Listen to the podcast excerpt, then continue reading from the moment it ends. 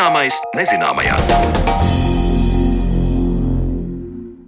Esiet sveicināti raidījuma zināmais nezināmajā un, kā jau ierasts, Sandra Kropa kopā ar jums šajā laikā.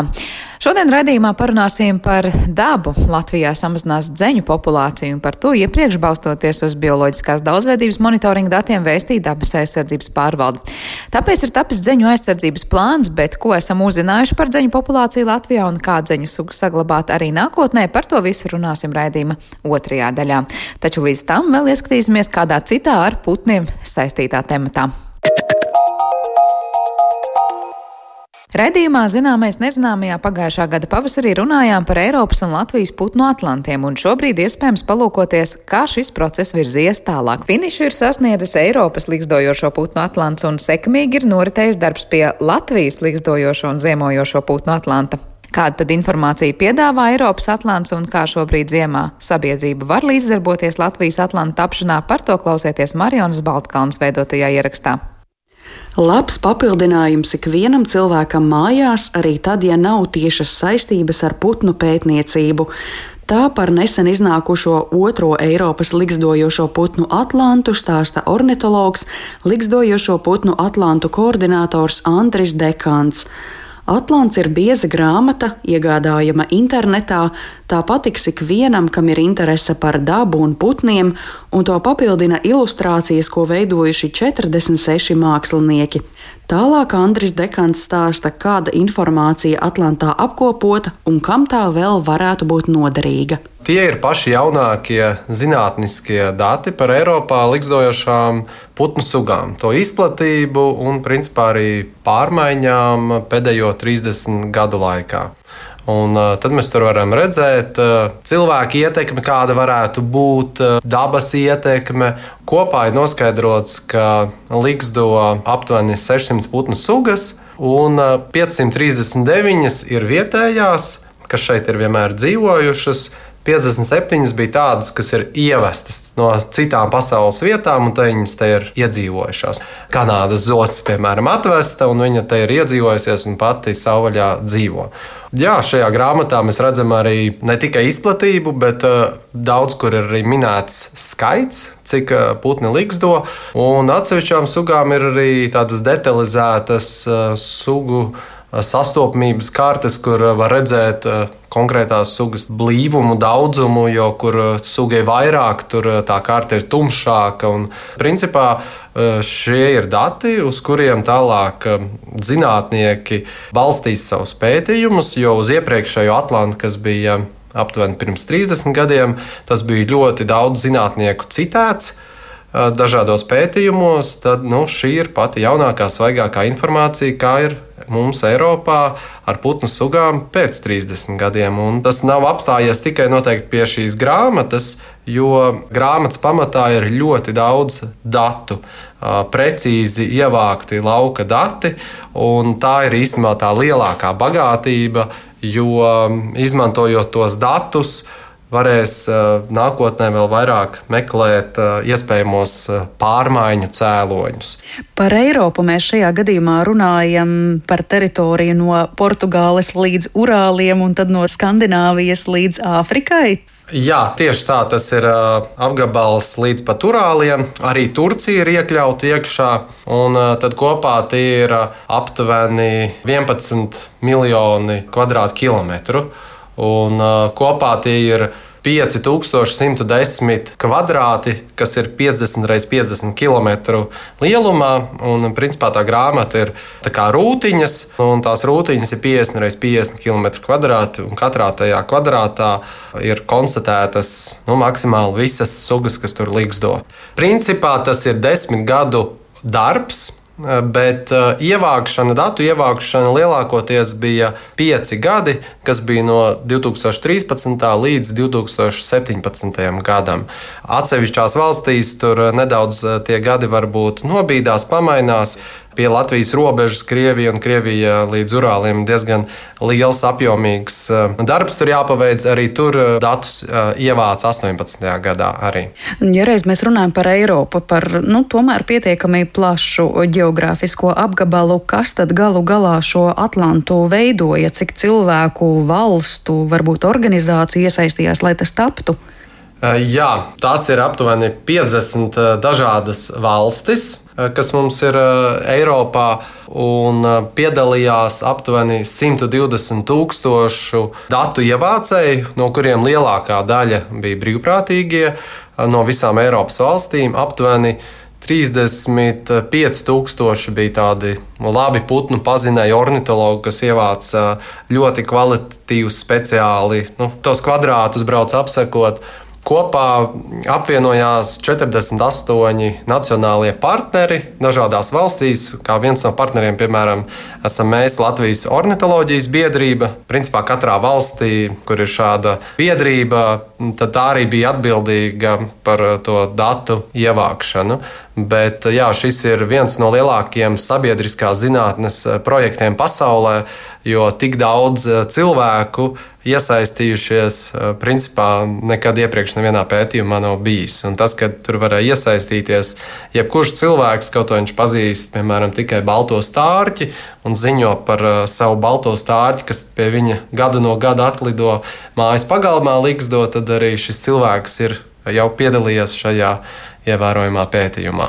Atcaucoties uz Andra Dekanta minētajiem 50 x 50 km2, kuros putnu sugas apsekotas, varētu teikt, ka Atlantā Eiropa it kā uzzīmēta uz rūtiņu lapas, un katrai sugai iekrāsojas rūtiņa, ja suga tur līgzdojusi. Uz to var paraudzīties arī suga daudzveidības kontekstā. Piemēram, Latvijā vienā rūtiņā likstojušas pat 150 putnu sugas, un mūsu valstī apkopoti dati par aptuveni 48 kvadrātiem. Andrim jautāju, vai Latvijā kaut kas bijis citāds vai unikāls salīdzinājumā ar citām Eiropas valstīm. Jā, mēs noteikti varam lepoties ar mūsu mazo ērgli.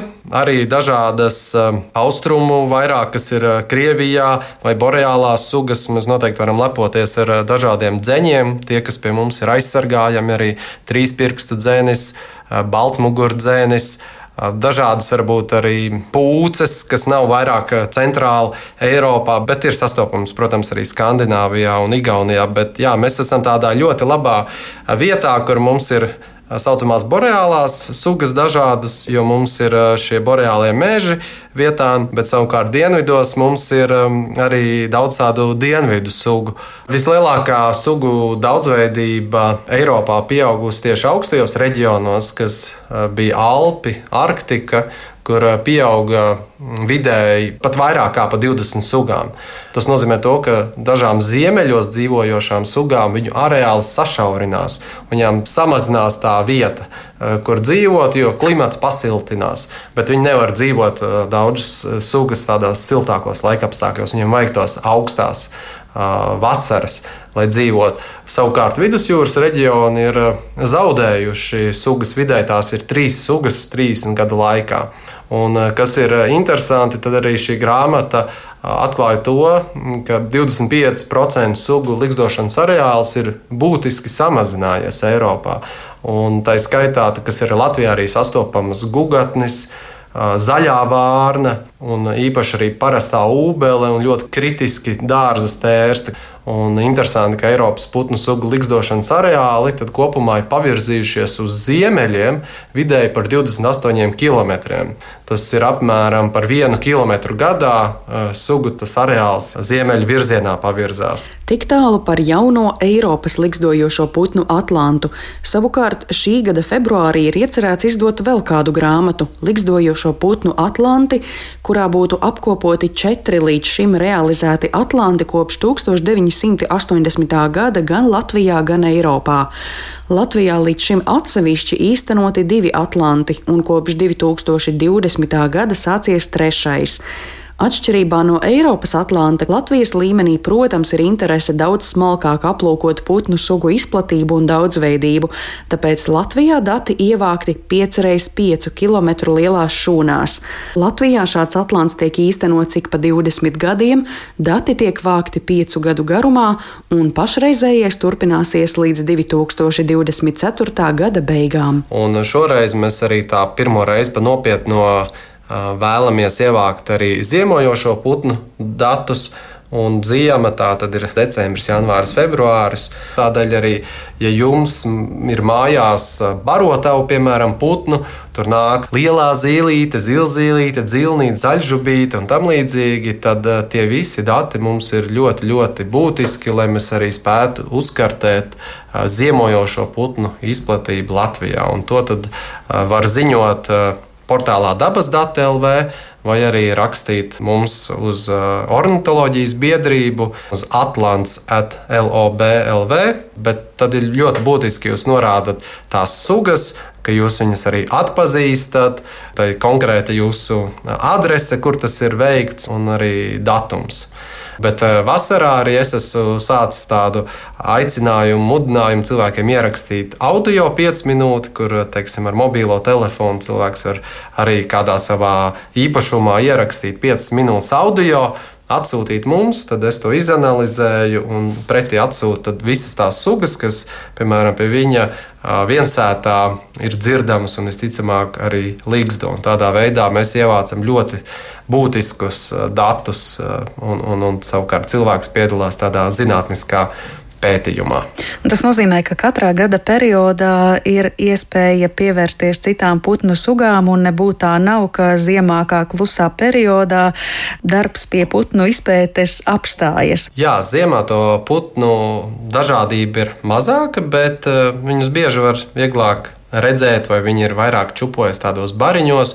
Un, protams, mums no ziemeļiem ienāk arī tādas putnu sugas, eh, kas nav citos gadalaikos sastopamas. Piemēram, svītrainā pūce, kas arī dienas laikā redzama, bikšainais klijāns, skaistās zīdastes, ko katram novēlu redzēt un dažādas citas sugas. Jā, tā kā arī ziemā ir ļoti interesanti. Andres, vēl gribēju jautāt, tā kā jūs darbu pie šī trešā Latvijas Atlanta sākāt pagājušajā gadā, tad varbūt jums jau ir kaut kādi secinājumi, rezultāti par šo laika posmu līdz šī gada sākumam, cik cilvēki ir bijuši aktīvi, iesaistījušies un palīdzējuši jums apkopot datus? Aptuveni visticamāk tas varētu būt līdzīgi kā pirms tam, ka tie aktīvākie cilvēki ir aptuveni līdz 50, kas to dara. Bet uh, ir jau interesanti dažādi rezultāti. Piemēram, tāda suga kā sārdgalvītis, kas uh, vēl nesen bija ļoti, ļoti reta un interesanta suga. Uh, pēdējos gados ir ievērojami palielinājusi savu izplatības areālu ziemeļiem un ienākusi arī pie mums Latvijā. Un, piemēram, šī suga uh, jau vairs nav nešķiet tāda interesanta un netiek uh, īpaši atzīmēta, jo mm, viņas klātbūtne, viņas dziedāšana ir nu, jau diezgan, varētu teikt, pat regulāra dažādās Latvijas vietās. Tā, tā jau mēs zinām, būs jau viena no interesantajām sugām, uh, kas būs uh, pamainījusies salīdzinot ar iepriekšējiem atlantiem. Un noteikti tāds būs vairākas sugas. Par aktualitātēm Eiropas un Latvijas putnu atlantu sagatavošanā stāstīja ornitologs likstojošo putnu atlantu koordinators Andris Dekāns. Ar viņu sarunājās Mariona Baltkalna. Bet raidījuma turpinājumā īpašu uzmanību veltīsim dzeņiem, runājot par dzeņu aizsardzības plānu.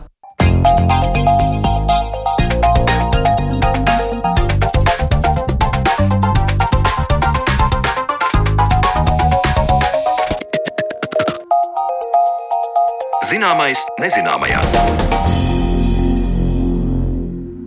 Baltmugura dzenis, dižraibais dzenis, mazais dzenis, vidējais dzenis, melnā dzilna, trīspirkstu dzenis un pelēkā dzilna. Šīm visām putnu sugām nu tiks pievērsta īpaša uzmanība, jo ir tapis dzeņu aizsardzības plāns. Kāpēc tieši šiem putniem nepieciešama īpaša uzmanība un vai varam prognozēt, ka šo meža putnu skaits nākotnē atkal palielināsies? Atbildes mēs meklēsim kopā šajā attālinātajā studijā, uz kur esam aicinājuši Latvijas Universitātes bioloģijas fakultātes vadošo pētnieku Jānu Priednieku un ornitologu Madaru Bergmanu. Labdien jums abiem!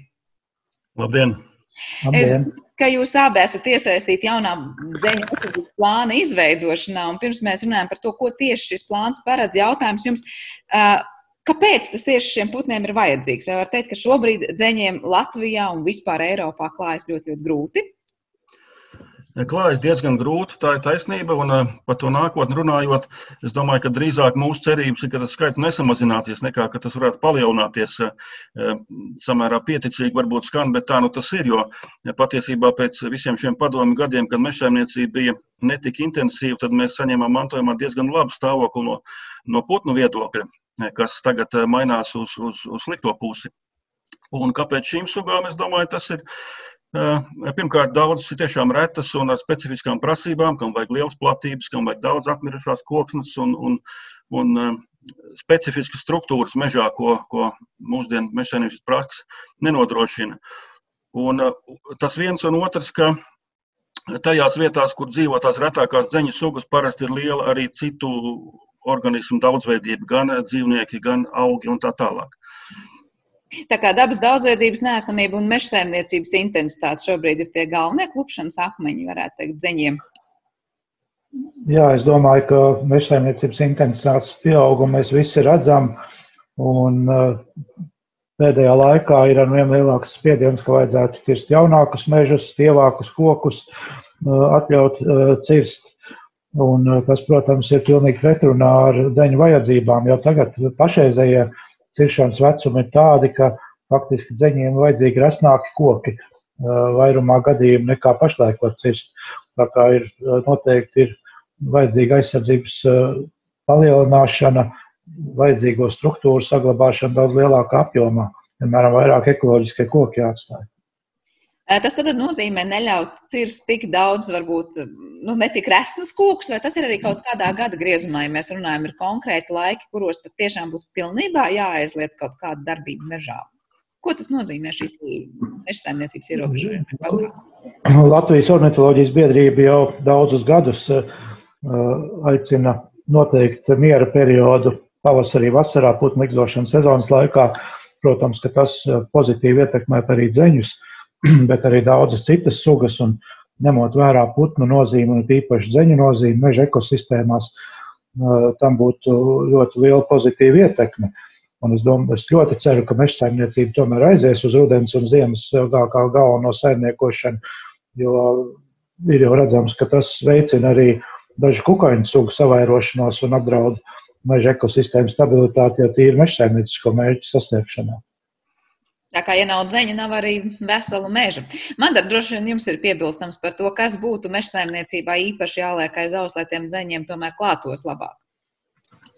Jā, nu tas par to neciršanu likstošanas sezonas laikā tas ir pavisam viennozīmīgi, jo, jo varbūt no cilvēka viedokļa dažkārt liekas, ka meža tā ir tikai koku grupa un tur, nu, kad cilvēks tur ieiet, tur parasti arī neviens cits nav redzams, vai, vai dzīvnieki vai putni ir, nu, putni ir dzirdami, dzīvnieki varbūt vēl mazāk. Uh, Bet uh, skaidrs ir tas, ka tajā laikā, kad cilvēks tajā mežā nav, tad tā dzīvība ir ļoti, ļoti pamanāma.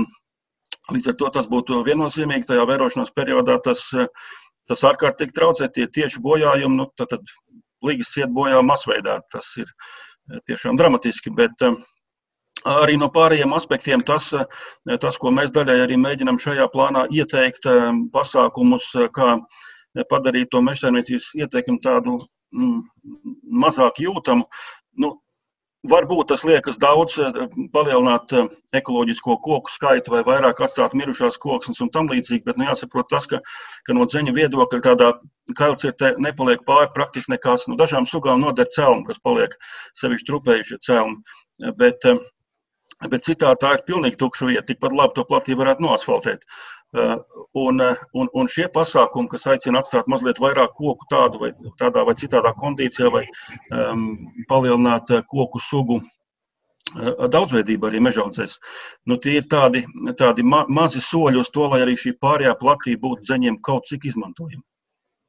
Bet, lai tas viss notiktu, tas nozīmē, ka mums vajag vairāk aizsargājumu teritoriju, vai tas ir netik viennozīmīgi?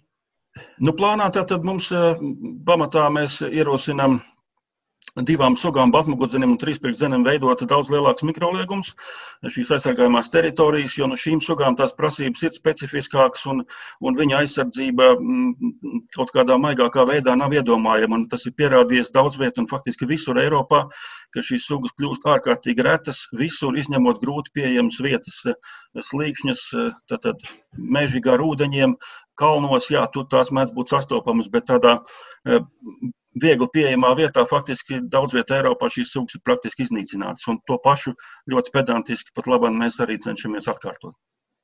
Tā kā visur, kur cilvēks tiek klāt, tur, tur šīm sugām ir slikti. Bet, ja tie mikroliegumi ir, es saprotu, vairāk, tad vai tā gudrāk savietoti kopā kaut kādā tīklā, kas būtu jādara ar tiem mikroliegumiem, lai dzeniem būtu labāk? Nu, Mikrolieguma līdz šim tā ir diezgan sena vēsture. Es arī nevaru precīzi pateikt, kāpēc tā radās. Ka, ka dzeņiem arī bija mikrolieguma 2 līdz 10 hektāru apjomā tikai tātad mazas platības, kas der dažiem plēsīgiem putniem, kuriem faktiski vajadzīgs aizsargāt tikai līgzdas vietu. Bet ceļiem ne tikai šī līgzdošanas vieta, viņam arī visa barības bāze atrodas mežā. Viņam ir vajadzīgs viss mežs kā tāds savā daudzveidībā, lai varētu tur dzīvot. Un 100 hektāri šīm sugām, ko pieminēja Baltmugodzenim un trīspirkstcenim, ir nu, viena pāra teritorija, tad viena pāra dzīves vieta un tikai. Un tad, tad mazākā platībā viņi nevar pastāvēt īsti. Un tad, tad jā, būtu vajadzīgs šāds aizsargāmo teritoriju tīkls, un ļoti vēlams būtu arī, lai pārējā platība nebūtu tukša un pilnīgi neizmantojama, bet lai tur būtu kaut kas noderīgs, kaut kas, kas sasaist šīs stingri aizsargājumās vietas. Tad, ja es pareizi saprotu, tai pašai teritorijai mikrolieguma ietvaros būtu jābūt lielākai un pašiem mikroliegumiem daudz vairāk. Nu, tā būtu vislabāk, protams. Jā. jā, cik tas ir reāli, Jānis, kāds redzējums? Nu, cik daudz tas paliek par tādu stāstu, kā būtu jābūt, bet cik ir reāli iespējams un kāda ir tā situācija šobrīd Latvijā? Nu, es, es domāju, ka diezgan aktuāli, kas attiecās uz privātajiem mežiem, diezgan aktuāli būtu. Uh, es ļoti ceru, ka turpināsies darba grupas uh, darbs pie kompensācijas sistēmas uh, uzlabošanas. Pirms iepriekšējās krīzes ilgāku laiku darbojās, kad es neatceros īsti cik gadus, kad privātais īpašnieks varēja dabūt meža vērtību, ja viņš bija, tas mežs bija cērtamā vecumā, un tur vajadzēja veidot mikroliegumu. Tā kā tur varētu būt vairāk risinājumu, gan atgriezties daļai pie iepriekšējās, gan palielināt ikgadējos maksājumus. Tas būtu diezgan būtiski attiecībā uz privātiem mežiem. Attiecībā uz valsts mežiem es domāju, ka tas ir vienkārši valsts pienākums paplašināt aizsargājumās teritorijas vai mikroliegumus, vai vairākos gadījumos to ir iespējams kombinēt. Es ļoti ceru, ka pozitīvu ietekmi būs dabas skaitīšanas rezultātiem, aizsargājumiem, biotopiem, jo faktiski visi Eiropas aizsargājumie biotopi, ja viņi tiek saglabāti, tie noteikti būs nozīmīga dzīvotne arī dzeņiem. Šobrīd plāns ir izstrādāts, tas ir pabeigts. Saprotu, tas drīzumā stāsies spēkā. Kādi ir tie tālākie reālie soļi? Kas notika? Vai mēs varam teikt, ka jau Mm, šajā gadā mēs jutīsim būtiskas izmaiņas tajā, ko drīkstēs un ko nedrīkstēs darīt mežā, kurā laikā, vai cik varētu būt liela iespējamība, ka tāda mikrolieguma tiks pārskatīta, cik daudz to ir un kur tie ir. Vai tas ir vēl tāda tālās nākotnes e, šobrīd vīzija? No, nu, drīzāk, man ir diezgan liela pieredze, kā notiek e, smagā cīņa par kaut mazākajiem dabas aizsardzības e, pasākumiem mežsaimniecībā. Uh, Tas būs garš process. Pašlaik es domāju, tas plāns ir kā tāda rokas grāmata īpašniekiem, jo ir tomēr arī privāti īpašnieki, kas grib savas dabas daudzveidību savā mežā. Un dzeņu gadījumā tas pat ir saprātīgi arī no mežsaimnieciskā viedokļa padomāt, lai tas dzeņas tur dzīvotu. Attiecībā uz valsts mežiem es arī ļoti ceru, ka tomēr viņi redzēs pēc šīm kartēm, kuras ir tās, kurām sugām Eh, prioritārās vietas, un tad jau var sākt skatīties lielākā detalizācijas pakāpē. Tomēr varbūt kādu cirsmu pārplānot citā vietā un skatīties, kā viss tas tīkls strādā. Attiecībā uz normatīvo aktu izmaiņām, es domāju, ka tas prasīs gadus. Eh, droši vien eh, tas notiks kompleksi, kad politiski lēmumi tiks pieņemti, ko darīt ar dabas skaitīšanas rezultātiem. Nu, procesu iespējams var pātrināt Eiropas komisija jo stāvoklis ar bioloģisko daudzveidību Latvijā ir gan ar biotopiem, gan ar daudzām sugām ir slikts. Un es tā kā ļoti ceru, ka Eiropas zaļais kurs arī reāli uh, rezultēsies zaļākā saimniekošanā. Madara, kāds jums arī cerības uz Eiropas kādām prasību vairāk stingrāku ievērošanu, vai, vai esat uh. optimistiskāk noskaņots? Nē, katrā ziņā tas ātri nenotiks. Tas ir saprotams, un, un visumā es varu pilnīgi piekrist tam, ko Jānis tikko teica. Uh, reāli, ko darīt? Jūs teicāt, arī tāda kā rokas grāmata privātajam, varbūt meža īpašniekam. Kāds būtu tas ideālais scenārijs? Ir šobrīd pieejama informācija, kur cilvēks, kas grib paskatīties, kas bioloģiski vērtīgs un daudzveidīgs ir viņa teritorijā, tad var teikt, tā ir karte, kurā saprast, kas man ir un ko man tālāk darīt vai nedarīt, vai kāds būtu tas vēlamais darbības scenārijs tieši privātiem meža īpašniekiem. Ko jūs ieteiktu darīt šobrīd, ja, ja gribam gan, gan būt meža īpašnieks, gan būt dabai draudzīgs? Jā, nu tā rokas grāmata varbūt uh, ikvienam nav tik, tik viegli lietojama. Protams, ja skatās tikai to, to ieteikumu daļu, tur es domāju, viss ir labi saprotams. Nu, ir diezgan daudz plaši aprakstīts, kas pa ziņiem ir zināms un kas ir, kas ir noskaidrots. Un tā daļa var būt tādiem nesagatavotiem lasītājiem, varbūt mazliet sarežģītāk, bet, bet tā nu tas ir. Tur daudz neko vienkāršāk pateikt nevar. Nu, un darbības, jā, nu, tiešām, nu, katrā ziņā ir skaidrs tas, ka, ka tiksim, dzeņiem labvēlīgs stāvoklis būtu tāds, kur tas mežs ir, es pat nezinu, varētu salīdzināt, varbūt. Man dažkārt patīk salīdzināt ar citām dzīves jomām, un, ja mēs, teiksim, ņemtu kaut kādas Eiropas vecpilsētas ar simts un pat tūkstošu gadu vēsturi, tad tās ir vietas, kas turistiem patīk. Un, ja būtu pilsēta, kurā ir viss mājas, vienā laikā celtas vienādas taisnā rindā izkārtotas, nu, tad tā diez vai būtu vieta, ko kāds gribētu braukt skatīties. Nu, un ar mežu ir tieši tāpat, ka tas dabiskais mežs, kur ir daudzveidīgs sugu sastāvs, daudzveidīga kondīcija, kur ir arī ne tikai taisnas vertikālas, bet arī horizontālas un slīpas struktūras.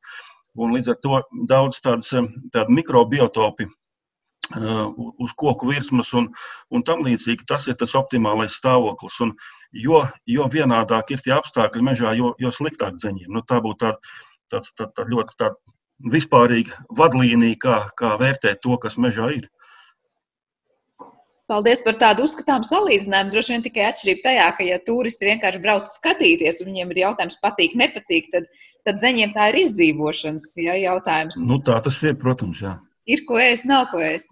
Uh, Jānis, būs kas piebilstams par to, ko sagaidām no privātajiem mežiem? Jā, es domāju, vienkāršākais, ko katrs īpašnieks var darīt, atcerēties par to koku resnumu. Jā, ka, nu, faktiski mums ir apkopot gan Latvijas pētījuma dati, lielā mērā Madara uh, vāktu dati. Nu, piemēram, apse ir mežsēmnieciski diezgan neinteresanta suga, bet viņiem viena no svarīgākajām sugām. Viņa ātrāk aug un sasniedz pietiekams izmērs. Un, uh, Nu, apmēram 30 centimetri ir uh, vidējais koku resnums un augsts lielāks, kad zeņa ir dobums lielākā daļa sugu. Tā kā uh, šādu koku atstāšana savā mežā un arī kailcirtu veicot lielāku skaitu kokus atstāt atmirušo koku, maksimāli mēģināt saglabāt. Uh, nu, varbūt eglis gadījumā tur varētu būt riski, bet tomēr, tomēr arī egle, piemēram, tam pašam trīspriekšzenim ir ļoti būtiski. Tā kā Es domāju, ka tai ziņā eh, tiešām var brīvprātīgi īpašnieki darīt diezgan daudz. Tad egle apsevi izskanēja kā tādi koki, kas noteikti dzenim būtu ļoti vēlami, bet var teikt, ka tik cik sākumā es te uzskaitīju dažādi ir tie dzeņi, tik katram dzenim būs savs koks tas piemērotākais, vai var teikt, ka visiem dzeņiem patiks vairāk vai mazāk vien un tie paši koki? Nu, atšķirības ir diezgan. Tas tā egla vairāk attiecas uz trīspirkstu dzeni. Tām citām sugām, baltmugurdzens, mazais dzens, vidējais, tie savukārt eh, viņiem tās audzes, kur egli klāt, eh, nepārāk patīk. Viņiem ir vajadzīgs gaišs un saulains vislabāk.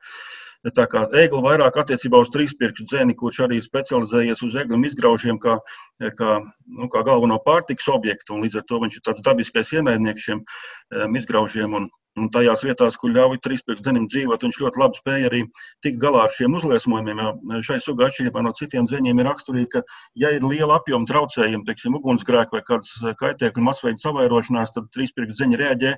Viņi var likdot arī ļoti blīvi, dažkārt, ja ir tik bagātīgi barības apstākļi. Un, un līdz ar to paši tik galā ar šo, ar šo problēmu, un tas nav jādara kaut kādiem citiem paņēmieniem.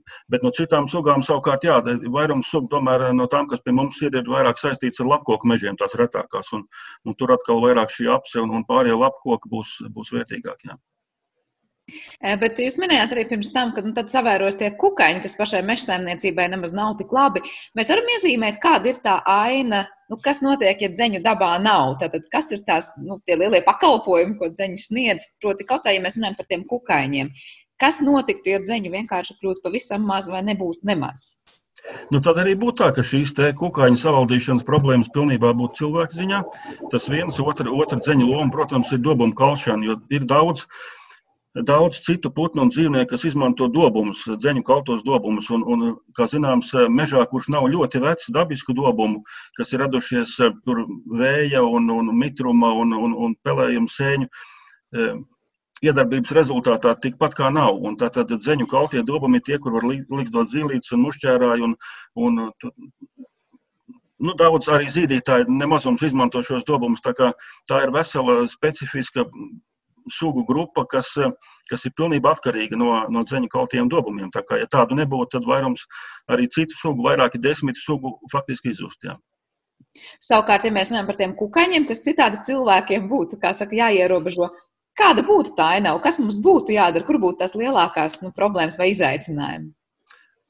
Ja būtu tāds stāvoklis, ka nav dzeņu, nu, es pat negribētu iedomāties tādu, tādu situāciju, un tas, es domāju, nebūtu labi nevienam. Jā,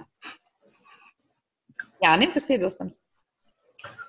Jā, es arī domāju, ka tas, tas būs diezgan, diezgan dramatiski, un tad mūsu šī varenā eksporta nozare varētu sabrukt diezgan īsā laikā. Jūs pieminējāt, viens no jums teica, ka tas viens praktiski pāris tik, tik arī būtu, cik tajā mikrolieguma teritorijā, kas varētu liksdot. Eh, kāpēc dzeņiem ir tik ļoti vajadzīga tāda viena teritorija, ko viņi nedala ne ar vienu citu, ja viņi, saprot, barojās tāpat mazliet citā teritorijā nekā liksdo? Uh, nē, viņi barojas turpat apkārt, ap līgas vietu parasti. Tas, tas tā nav, bet dažām sugām tās teritorijas ir lielas tieši tāpēc, ka tie resursi ir izkliedēti. Arī dabiskā mežā nu, kaut šo koku nav nav, nav bezgala daudz parasti, ja tie nav kādi īpaši apstākļi. Līdz ar, to, līdz ar to viņi izmanto plašu teritoriju. Bet, nu, plus arī dažiem šiem kukaiņiem, koksnē dzīvojušiem kukaiņiem, ar ko dzeņi barojās, ir diezgan garš attīstības cikls. Kā, tur ir vajadzīga tā pēctecība un noturība, noturība tiem apstākļiem. Bet kāpēc tik lielu? Nu, viņi ir tomēr tādi ir putni, kas dzīvo kolonijās, kas dzīvo cieši kopā, un ir tādi, kas dzīvo atsevišķi vai pa pāriem, tātad lielākoties, un, un dzeņi ir tieši tādi, un šādas kolonijas Eiropas dzeņiem nav raksturīgas nepavisam, un, un, protams, viņi, nu, patiesībā viņi tāpat kā cilvēki, cenšas paņemt vai, vai uzurpēt pēc iespējas vairāk, bet tas, kas viņus ierobežo, ir ir tas, cik viņš pats spēja aizstāvēt. Tad, tad tu nevari padzīt visu konkurenci ļoti lielā platībā, jo nu, piekusīs lidodams un cīnīties ar visiem. Viņš faktiski ierobežo viņu, viņu pašu spējas. Bet nu, cik nu vien spēja, tik viņi cenšas katrs sev sagrābt, tāpat kā mēs. Ja. Bet par tiem pāriem runājot, zeņu pāri ir tādi noturīgi un tiešām ilggadīgi kopā, vai kādi viņi mainās? Visumā, jā, visumā, jā. Nu, lielākais eh, tā, tas, ka tie pārmainās, mēdz būt tas, ka, protams, ir diezgan augsta mirstība, 5-6 gadi dzeņa dzīvē ir diezgan ilgs, ilgs mūžs jau. Tas ir galvenais iemesls, bet ja abi pāri putni paliek dzīvi, tad tās nu, kaut kādas jaunas laulības ir samērā reti parādīt, pat ļoti reti. Jā. Kāpēc tas ir mūža ilgums ir tik salīdzinoši mazs?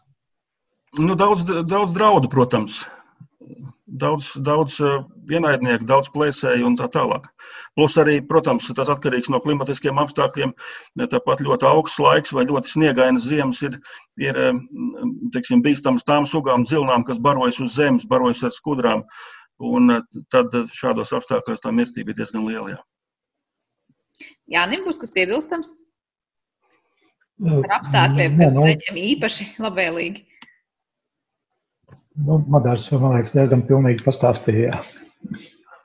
Jūs tikko piesaucāt dzilnu, un varbūt muļķīgs jautājums no priekš tiem cilvēkiem, kas ar ornitoloģiju ir uz tu, nevelti mēs sakām gan dzilna, gan dzenis. Un tajā pašā laikā mēs sakām, nu, tie ir tā kā, tā kā, tā kā radinieki, un visu dzeņu plāns ir gan dzilnām, gan dzeņiem. Ar ko atšķiras dzilnas no dzeņiem, un vai var teikt, ka nu, tie tādi gana tuvi rādi savstarpēji putni? Nē, tie ļoti tuvi rādi, protams, un tur ir tie, tikai valodas, valodas specifika, specifika to nosaka.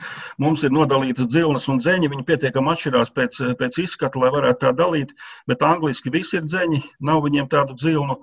Tad, eh, Krieviski man šķiet tikai melnā dzilnā ir, jā, melnā dzilna ar savu nosaukumu, un zviedriem tāpat uh, zaļā dzilna un pelēkā arī ir dzeņi viņiem. Tā kā tas, kā nu kurā valodā ir iegājies, tā ir, bet radinieki tie ir neapšaubām un, un tuvu radinieki. Jā. Un tomēr mēs tos saucam par dažādiem putniem. Ja tas ir tāpēc, ka arī tā vide, kurā viņi uzturēsies, būs atšķirīga. Varbūt jūs varat pakomentēt, no ko tad viņi ir tik ļoti atšķirīgi, lai mēs īpaši tos kā, ah. sauktu atšķirīgos vārdos. Nu, pirmkārt, izskats. Jāsaka, tā, ka visi, visi dzeņveidīgie putni, kas, kas mums ir, tātad desmit sugas, nu, tītiņš ir atšķirīgs ar to, ka tā ir migrējoša suga, kas nepaliek pa ziemu, un viņi nekaļ dobumus. Tītiņi es uzskatu par tādu kā brālēnu īstajiem zeņiem. Tad ir dzilnes, zaļā, pelēkā un melnā, kas tiešām ir lielākoties, nu, vairāk vai mazāk vienkrāsains un atšķirās pēc izskata, un tad pārējos dzeņus tā nosacīt varētu saukt par raibajiem dzeņiem. Viņiem ir tas melnbalti raibais apspalvojums raksturīgs. Bet dzīvesveida ziņā tā telpiski viņi neatšķirās. Teiksim, dzilnu un dzeņu dzīves vide pārklājas ļoti lielā mērā. No dzilnas atšķirās vairāk ar to, ka, ka, ka viņas lielākoties barojas ar skudrām dažādās attīstības stadijās, un līdz ar to barojas vairāk uz zemes nekā kokos. Un tie raibie dzeņi tādi, kas vairāk barojas kokos arī par stāviem apdzīvo mūsu ekosistēmu, katrs nu, savā, ir, ir, savā, savā līmenī. Kā mēs uz citu Eiropas valstu fonu izskatāmies ar to, kā mūsu dzeņiem, dzildām visiem kopā klājas? Mēs esam tā, kā, tā zeme, kur viņiem ir izteikti grūti un to ir izteikti maz, vai citur ir vēl sliktāk? Nē, nu, citur ir sliktāk. Citur tā intensīvā saimniekošana mežos ir daudz garākā periodā bijusi, un, un uz Eiropas fona pagaidām mēs vēl izskatāmies gluži pieklājīgi. Mums jau arī bebri ir palīdzējuši. Bebrainas diezgan bieži, tā kā tur ir daudz atmirušas koksnes, tad, ja tur ir nokautuši lapu koki, bērns, piemēram, stumbeņi, tad baltmugurdzenim tā vieta var patikt. Ja tur ir nokautuši seglas bebrainas malā, tad droši vien tur būs trīspirkta dzenis. Bet nu, droši vien arī būtu muļķīgi tagad teikt, mums vēl nav tik slikti. Mēs varam atļauties, kā saka, ne tik ļoti nopietni domā par šo putnu aizsardzības plānu, tad var teikt, ka nav vairs laika daudz kavēties ar konkrētu lēmumu un darbību pieņemšanu. Nu, noteikti, tāpēc, ka tā vēsture citā zemēs ir pierādījusi, un tiešām ir, ir milzums zinātnisku rakstu sarakstīts par šo tēmu, kā tas, kā tas notiek un, un kas notiek, ja tā, ja tā viņa dzīves vide tiek ļoti, ļoti vienkāršota. Nekāda brīnuma šeit nav gaidām, būs tas pats, kas ir pierādījies daudz kur citur. Ir starp citu pētījumi, ka uh, suga, sevišķi to trīspriekšzemi, tādi bijuši pētījumi, ka uh, viņa vēl dabā ir redzama, viņa vēl kādu laiku dzīvo, bet vairs nespēja vairoties tā, lai atražot uh, iepriekšējās paudzes. Nu, tā ir jau. Tā, tad, protams, tā, redziet, tā tieši iz, iz, iznīcināšana uzreiz noved pie putnu bojājas, bet, nu, ja tā viņa dzīves vide pazūd, tad, tad eh, jā, viņš jau fiziski ir dzīvs un meklēs citas vietas, un zeņiem atšķirībā no citiem organismiem piemīt diezgan labas tās pārvietošanās spējas. Viņi tiešām var pārvarēt simtiem kilometru un pat tūkstošiem, ja nepieciešams, un atrast citu piemērotu vietu. Bet, nu, vēlreiz atgriežoties pie tā, ko jau mazliet pieminējām, ka, ka tās vietas, kur, kur dzeņi dzīvo, ir arī bagāts ar citiem organismiem, un šiem citiem organismiem daudziem nav tās pārvietošanās spējas tādas. Tā kā, arī tas jāpatur prātā, ka ka tie dzeņi varbūt kaut kā nebūtu eh, vēl atradīs sev iespējas citur, ja šeit nebūs. Tad, tad nu, fiziski tie indivīdi, kuriem pazūd dzīves vide, tad citiem organismiem tā var nebūt. Tā kā teikt, sargājot zeņus, mēs sargāsim daudz un ļoti daudz citu sugu. Jā, neapšaubām. Jā, noteikti. Tad šīs aizsardzības plāns iespējams, nu, cerams, nesīs augļus un jau gan tuvā nākotnē, ne tikai dzeņiem, bet arī citām sugām. Vēl vēlos pajautāt jums, nu, piemēram, kas notiek jums tagad ideālais scenārijs, piemēram, tiešām plānā teiktās lietas notiek dabā un dzīvē un viss sāk strādāt. Cik ilgā vai īsā laikā mēs varam redzēt kaut kādas pozitīvas pārmaiņas dabā? Vai varam teikt, ka jau pēc dažiem gadiem to dzeņu mums nu, vai nu pazudīs ar krietni mazākā ātruma vai kļūs vairāk, vai tas ir stāsts par vairākām pat desmit gadiem? Nu, otrs variants noteikti, jo skaidrs, ka, teiksim, šāds vecs, vecs mežs, par ko šeit runājām, kas, kas veidojas gadu simtiem, nevar rasties ne dažu gadu, pat ne dažu desmitgažu laikā. Tur ir vajadzīgs ilgs laika posms, lai kļūtu, teiksim, sliktāk var kļūt ātri, bet labāk var kļūt tikai lēni un pakāpeniski. Jā, nu kāds redzējums par to, cik ilgā laikā pozitīvs cerams? Jā, es piekrītu, piekrītu Madā teiktajam, un nu, varbūt ātrāk kādā vietā mēs varētu redzēt ekoloģisko koku, lielāku skaitu atstāšanu un rasnāko koku patiešām nevis kā reizēm atstāja nemaz nerasnākos. Un, ja apkārtnē ir pietiekams barošanās iespējas, tas varētu arī varbūt kādā vietā ātrāk uzlabot, bet, bet tā kopumā tas būs pacietīgs darbs. Mums vēl ir pavisam dažas minūtes laika šai sarunai. Jautāšu jums, kā, kāds bija tas process, lai taptu šis plāns? Vai jūs, prāt, esat paveikuši labāko no labākā, ko varējāt, vai tas izaicinājuma daudzums bija tik liels, ka daudz kas ir palicis kaut kādu kompromisu robežas? Kā jums liekas, nu, kopumā vērtējot pašu to plāna gatavību šobrīd? Nu, man jāizsaka milzīga atzinība Madaram. Uh, to faktiski varētu uh, monogrāfiju publicēt, to milzīgo literatūras apjomu. Es domāju, ka nekas nozīmīgs nav palicis no uh, Eiropā un pasaulē veiktiem pētījumiem, kas attiektos uz mūsu problemātiku, kas nav apskatīts. Tāpat Andris Savotiņš veic ar vismodernākajām metodēm, visaugstākā līmeņa matemātisko analīzi visiem pieejamiem datiem. Tā kā es domāju, nu, darījām, ko varējām, un uh, turpmāk jau kompromiss jau parādīsies, nepieciešamie kompromisi, neizbēgamie, ka tas nonāks normatīvu aktu apspriešanas stadijā. Paldies, Madara! Jā, nu, protams, tas process bija apmēram trīs gadu garumā, un, un arī, kas attiecas uz informācijas apkopošanu, protams, tur nekad nu, īsti jau nevar vienā brīdī pateikt, ka tagad gan ir viss, un, un kamēr mēs te apkopojam, kas ir zināms līdz šim, tikmēr citi raksta un viss nāk klāt, un, un jaunas zināšanas nāk klāt nemitīgi. Tā kā, protams, uz šo brīdi jau šis tas varētu izskatīties citādi, bet nu, tas tā būs vienmēr, diemžēl. Tur nu, nekad nebūs tā, ka te var pielikt punktu un viss. Jā, bet lielākā izaicinājuma vēl tikai priekšā, vai ne? Jo tās reālās sarunas par to, kā apsaimniekot, kur apsaimniekot, ko ļaut un ko neļaut, vēl tikai ir sagaidāmas. Jā, nu tas turpinās, es domāju, nemitīgi. Jā, nu vēlēšu veiksmus visos tālākajos darbos, un man prieks, ka mums to tiešām tā tagad informācija par to, kas tad īsti ir, kur tad īsti ir un kādos apstākļos būtu, būtu vēlams dzīvot, arī mums ir, un, un milzīgs darbs ir ieguldīts, plāns ir gatavs, un, kā jau teicāt, sargājot zeņus, mēs šādā veidā sargāsim arī virkni citu sugu. Lai izdodas, liels paldies jums par sarunu. Atgādināšu klausītājiem, ka šajā raidījuma pusstundā bijām kopā ar Latvijas Universitātes bioloģijas fakultātes vadošo pētnieku Jānu Priednieku un ornitologu Mādaru Bergmanu. Ar to arī raidījums ir izskanējis, par to parūpējās producents Armīta Kolāta un mūzikas redaktors Girds Bišu, bet ar jums kopā bija Sandra Kropa. Uz tikšanos!